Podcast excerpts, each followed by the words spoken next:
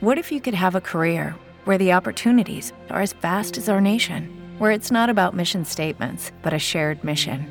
At U.S. Customs and Border Protection, we go beyond to protect more than borders from ship to shore, air to ground, cities to local communities. CBP agents and officers are keeping people safe. Join U.S. Customs and Border Protection and go beyond for something far greater than yourself. Learn more at cbp.gov/careers. Hello, it is Ryan, and I was on a flight the other day playing one of my favorite social spin slot games on ChumbaCasino.com. I looked over the person sitting next to me, and you know what they were doing? They were also playing Chumba Casino. Coincidence? I think not. Everybody's loving having fun with it. Chumba Casino is home to hundreds of casino-style games that you can play for free anytime, anywhere, even at 30,000 feet. So sign up now at ChumbaCasino.com to claim your free welcome bonus. That's ChumbaCasino.com and live the Chumba life. No purchase necessary. Group. Void were prohibited by law. See terms and conditions. 18 plus.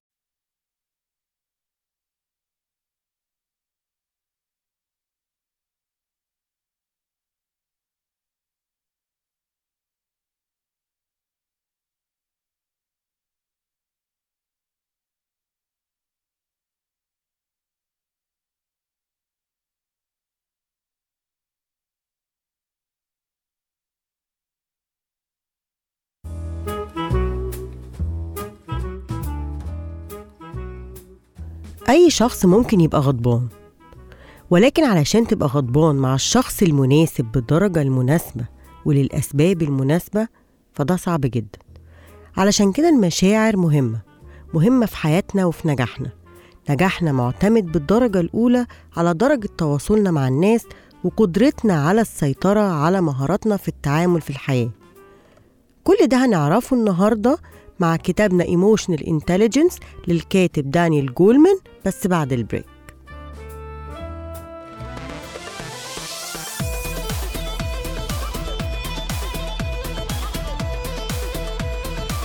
أهلا بكم في CBR Cairo Business Radio أول راديو business في مصر الجزء الأول من الكتاب بيتكلم على ال emotional brain أو المخ العاطفي. المشاعر جزء لا يتجزأ من حياتنا وهو ده اللي بيفرقنا عن أغلب الكائنات الأخرى.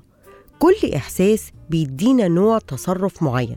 لو ما كانش موجود ما كانش هيبقى عندنا بعض الأحاسيس المعينة تجاه بعض المواقف. الناس اللي بتتجاهل مشاعرها هم في الآخر short-sighted يعني عندهم قصر نظر. لأن لو تم إدارة المشاعر بصورة جيدة هتساعدهم على المدى الطويل إن هم يحققوا نجاح وسعادة.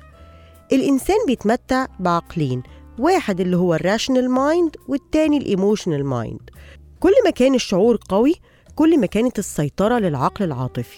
والعكس صحيح في أغلب الأوقات العقل والعاطفة بيشتغلوا بتناغم مع بعض.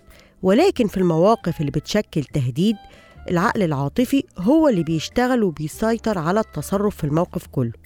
لما الإنسان بيواجه خطر وبيخاف المشاعر بتسيطر على المخ مشاعر الخوف وحتمية التصرف بسرعة علشان المخ يبعت إشارات للجسم علشان الجسم يتصرف ويتفاعل مع الموقف. الجسم بيحس إن في خطر قادم علشان كده كل الأجهزة بتبقى على اهبه الاستعداد إنها تحارب أو تجري اللي هو ال fight or flight وده اللي بيخلينا في أي موقف صعب ممكن انفعالاتنا تتغلب على المنطق بتاعنا. طبيعة الذكاء العاطفي هي اللي بتحدد نجاحنا في حياتنا. في أنواع كتير من الذكاء العاطفي علشان نقدر نتعرف عليها لازم نعرف نفسنا كويس ولازم نعرف مشاعرنا. وليه بتحس بيها علشان تقدر تفضل ثابت ومتماسك وقت الأزمات؟ ده اسمه Managing Emotions. جولمن بيقول إن أنت لازم تعرف مشاعرك كويس عشان تقدر تسيطر عليها. بعد ما عرفت نفسك لازم تعرف تتغلب على المشاعر دي لأنه لو ما قدرتش تفهمها وتسيطر عليها هتتحول لمشاعر مكبوتة وممكن توصل لدرجة الاكتئاب. السيطرة على مشاعرنا هو مفتاح حياتنا حياة صحية ومتوازنة. وده مش معناه إننا نتجاهل مشاعرنا السلبية ولكن لازم دايما نراجعها ونفهم أسبابها. بدل ما نقعد في حصار لكل الأحاسيس السلبية الأحسن إننا نعرف الأسباب للمشاعر دي ونحاول نتجنبها أو حتى نحلها. علشان تقدر تتجنب المشاعر السلبية لازم تحاول إنك تعيد صياغة الموقف بصورة إيجابية. لازم كمان تعرف إن الزعل بيجيب زعل كل لما تقدر تسيطر على دايرة الزعل من بدري قبل ما هي تسيطر عليك كل ده ما يبقى أحسن. ونفس التأثير بيعمله القلق. القلق بيدخلك في دايرة من الميلودراما المفروض إنك ما تكونش فيها. دور القلق الحقيقي إنه يخليك تطلع بحلول إيجابية للمشاكل. المشكلة هنا في القلق المتكرر اللي مش بيحل أي مشكلة. علشان تقدر تسيطر على نوبات القلق هو إنك لازم تعرفها في الأول تعرف مراحلها الأولية وتعرف أسبابها وتحاول توجد حلول إيجابية للقلق ده. أما بالنسبة للحزن لازم تخرج من أحزانك وده شيء صعب جدا ومرهق. الإنسان المكتئب دايما بيبرر لنفسه اكتئابه بيبرر لنفسه إن هو دايما بيحاول يحل مشاكله مع نفسه عن طريق إنه يقفل الدايرة على نفسه ومش عايز ياخد أي خطوات علشان يخرج بره الاكتئاب ده. علشان تسيطر على الحزن لازم تحاول تخرج بره الدايرة دي بره دايرة الأفكار اللي بتسبب لك مشاعر الحزن. وكمان تحاول تشغل نفسك بأعمال تضيف لك سعادة زي مثلا إنك تتفرج على فيلم كوميدي تلعب رياضة تساعد حد محتاج أو تكافئ نفسك على أي حاجة بسيطة حققتها. الانكزايتي هو القلق الزائد وده اللي بيدمر قدرتنا العقلانية والعاطفية والعصبية. ولكن ده كمان نقدر نسيطر عليه عن طريق إننا نحاول نستخدم القلق الزايد لمصلحتنا. بمعنى إنك قلقان قلق زيادة من الامتحان يبقى تذاكر كويس جدا عشان تقدر تتغلب على القلق ده. يعني تحط خطط دفاعية للقلق بتاعك. بدل ما يبقى شيء سلبي يأثر عليك يبقى شيء إيجابي بيساعدك إنك تبقى أحسن. الأمل والتفكير الإيجابي ليهم تأثير مهم جدا في الحياة. في ناس عندها الثقة إنها تقدر تحقق أهدافها وفي ناس عندها القناعة إنها مش هتقدر تعمل أي حاجة مهما حاولت. من وجهة نظر الذكاء العاطفي لما يكون عندك أمل ده معناه إنك هتقدر تقاوم القلق وتتغلب على الاكتئاب والمواقف الصعبة. الناس اللي عندهم أمل دايما أقل الناس عرضة للاكتئاب وأكثرهم قدرة على النجاح. تقدير مشاعر الآخرين برضو نقطة مهمة جدا لأن كل ما الإنسان يبقى واضح مع نفسه ومدرك لمشاعره هيقدر يقرأ مشاعر الآخرين. على عكس الناس التانية اللي أصلا ما يعرفوش نفسهم وبيبقوا تايهين جدا لما بيتحطوا في مواقف محتاجين فيها إن هم يتواصلوا مع الناس. على المستوى العاطفي وده ممكن يؤدي لكوارث لأنه هيفشل إنه هيتعرف على الناس الشريرة أو السيئة. عدم القدرة على التعامل مع العلاقات الاجتماعية بيعمل مشاكل كبيرة. التفاعل والتواصل الاجتماعي ليه أهمية جامدة جدا. المشاعر بصفة عامة معدية والإنسان بيتأثر بمشاعر الناس المحيطة بيه. الإنسان بيطلع ذبذبات بتعبر عن مشاعره وبتأثر على كل الناس اللي حواليه. كل لما يبقى حوالينا ناس سعيدة كل ما بنكون بنطلع ذبذبات سعيدة أكتر وده بيفرق في حالتنا النفسية وحالة الأشخاص اللي حوالينا. عشان كده إدراكنا لده هيخلينا نركز في الذبذبات اللي إحنا بنطلعها وكمان الذبذبات اللي إحنا بنستقبلها. الناس اللي عندها ذكاء عاطفي بتقدر تسيطر على هذه الذبذبات وبتقدر تتعامل بسهولة مع الناس. أما الأشخاص اللي ما عندهمش ذكاء عاطفي بيفشلوا إن هم يتعاملوا مع الناس بيفشلوا في استقبال أو إرسال الذبذبات وعشان كده مش بيبقى فيه أي قنوات تواصل بينهم وبين أي شخص. الجزء التاني في الكتاب جولمن بيقول إزاي نطبق الذكاء العاطفي. وإحنا صغيرين الأهل دايما بيتكلموا في كل المشاعر ولكن على حسب الولاد والبنات. يعني دايما بيكلموا البنات عن الاهتمام وبيكلموا الولاد عن السيطرة على مشاعر الغضب. علشان كده الأطفال لما بتكبر بتبقى البنات عندها القدرة الأحسن على إدارة المشاعر ولكن الولاد بيبقى عندهم القدرة الأحسن على إدارة نوبات الغضب. كل ما كان الإنبوت اللي عندهم كلام على الغضب وكيفية السيطرة عليه كل ما هو ده اللي هيبقوا هم عارفين يديروه لما يكبروا وبالتالي مش هيبقوا شايفين أي أهمية للمشاعر العاطفية. ومن أهم العلامات اللي بتقول إن في مشكلة في أي علاقة هو الانتقاد المستمر واللوم المدمر اللي بيأثر على العلاقات وبيغير على طبيعتها بين الناس. النقد الهدام مدمر جدا للعلاقات وبيدمر المشاعر على المدى الطويل وبيؤدي إن دايما يبقى فيه مشاعر غضب غير معلن عنها. المشاعر دي بتبقى قوية جدا ومسيطرة جدا وبتؤدي إلى نوبات غضب كبيرة لأنهم دايما بيعانوا من كبت المشاعر لما بيحصل ليهم نوبة غضب بيبقوا فاقدين القدرة على الاستماع بيتكلموا بصورة سريعة ومش قادرين يسيطروا على نوبة الغضب بتاعتهم. الناس دي مش بتقدر تسمع ولا ترتب أفكارها. مجرد نوبة عالية من الغضب بدون توقف. لازم تعرف إن أصحاب نوبات الغضب بيبقى عندهم غضب عميق وغير معلن. الأفضل محاولة الكلام معاهم عشان تعرف أسباب الغضب إيه وتساعدهم إن هم يتغلبوا عليها. حاجة أخرى تساعد على تقليل نوبات الغضب هي السمع بدون أحكام أو دفاع. إن يكون الشخص الغضبان متأكد إن في حد بيسمعه من غير جادجمنت ومقدر كلامه عشان يقدر يطلع المشاعر السلبية اللي بيحس بيها.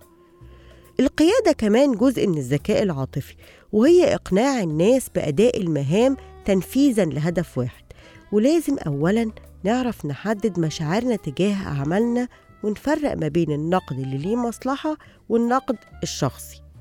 النقد ممكن يكون ليه آثار إيجابية وسلبية ولكن أي مدير ناجح لازم يكون عنده فن إدارة النقد عشان يقدر يوصل بيه إنه يكون نقد بناء يحدد الأهداف المطلوبة منه. من أسوأ أساليب النقد هو الانتقاد عند تفاقم الأمور وده اللي بيخليه يطلع بأسوأ صورة ويبان كأنه نقد هدام ولكن إذا كان النقد في مصلحة العمل يبقى لازم يتم بصورة مستمرة لتحسين الأداء. أهمية تقدير الاختلافات بين الأشخاص وبين المستويات ده مهم جدا وده معناه إنك تتحمل اللي ممكن يطلع عن الاختلافات. ممكن يكون في مشاكل كتيرة ومتعبة ولكن هيبقى فيها خبرات جديدة ونقاط إيجابية أكتر. جولمان بيقول إن المشاعر كمان ليها دور في صحتنا لأنها بتعلي المناعة. المشاعر الصحية الجيدة بتأثر تأثير جيد على مناعة الجسم وبتأثر على الصحة بصفة عامة والعكس صحيح. فالمشاعر السلبية ليها تأثير سيء جدا وممكن تصيب الإنسان بالأمراض زي الغضب مثلا بيأثر على ضخ الدم بنسبة 7% كل نوبة ضغط أو قلق بتأثر على القلب وبتزود عليه الضغط. لو تم تكرار النوبات دي بيؤدي لحدوث أمراض قلبية. المشاعر المؤذية كمان بتؤدي إلى القلق وبتؤدي إلى زيادة نسبة الإصابة بأمراض زي السرطان لأنها بتخلي دايما الجسم في حالة ضعف وبالتالي عرضة للأمراض المزمنة زي السكر. ولكن الأمل ليه قدرة على العلاج والقوة في مواجهة أشد أحداث الحياة. العلاقات الإنسانية ووجود أشخاص في الحياة نقدر نعتمد عليهم بيطول عمر الإنسان وبيديله القوة على مقاومة النوبات القلبية. قوة العلاقات بتأثر على قوة الصحة وقوة المناعة تجاه أي أمراض نفسية أو عصبية. الجزء الأخير في الكتاب هو نوافذ الفرص. الأسرة هي المصدر الأول والأساسي لتعلم المشاعر. إزاي نتعامل مع الناس؟ إزاي نتجاوب مع الناس؟ إزاي نتعلم طرق جديدة إن إحنا نقدر نخرج مشاعرنا. الأطفال دايما بيعملوا كوبينج لأهليهم في طريقة تعاملهم مع الناس والأقارب والأشخاص المحيطين بيهم. يعني هنا في طريقة تعليم مباشر وتعليم غير مباشر. الإنسان بيتعلم أول حياته عن طريق الأسرة والبيئة اللي اتربى فيها. الإنسان بيتعلم كمان عن طريق التروما أو الأحداث المأساوية اللي بتمر بيه اللي ممكن تكون مأثرة عليه بصورة كبيرة وممكن يستمر التأثير ده فترات طويلة ويأثر على حياته وعيشته. الأحداث المأساوية ممكن نتغلب عليها عن طريق التعامل معاها بصورة عقلية من خلال ثلاث مراحل. أول مرحلة إن إحنا نحاول نعيد لنفسنا الإحساس بالأمان تاني مرحلة إن إحنا نسيطر على المشاعر السيئة المصاحبة للحدث المأساوي. تالت حاجة إن إحنا نعيد الحدث بصورة أقل رعبا أو بصورة عقلانية أكتر علشان نقدر نمنطقها ونعيش معاها. وعلشان نقدر نوصل لكده لازم يبقى في حاجة اسمها emotional literacy أو التوعية العاطفية. إحنا بيهمنا جدا إننا نهتم بتعليم أولادنا التعليم العملي التعليم العلمي. أكتر ما بنهتم بتعليمهم المشاعر العاطفية. ال emotional literacy مهمة جدا لكل الأشخاص لأنها بتفتح مجالات جديدة في التعامل مع النفس ومع الغير. ولكن عدم اهتمامنا بال emotional literacy بيخليهم مش قادرين يتعاملوا مع مشاعرهم غير بالغضب ورؤية الطرف الآخر في صورة الشخص الشرير. ولكن النظرة الإيجابية إن إحنا ممكن مع بعض التمرين نقدر نغير المشاعر دي. مهم جدا إن إحنا نعلم الأطفال أهمية المشاعر وكيفية التعامل معاها. ده هيخليهم قادرين على فهم نفسهم من الصغر وفهم الآخرين وهيحميهم من مشاكل حياتية كتير. كل ما يتم تعليم المشاعر في مرحلة صغيرة كل ما بتبقى عادة بتتعامل بصورة تلقائية وليها تأثير إيجابي على الحياة. بكده نكون وصلنا لنهاية حلقتنا. استنونا في حلقات جاية كتير وقرينا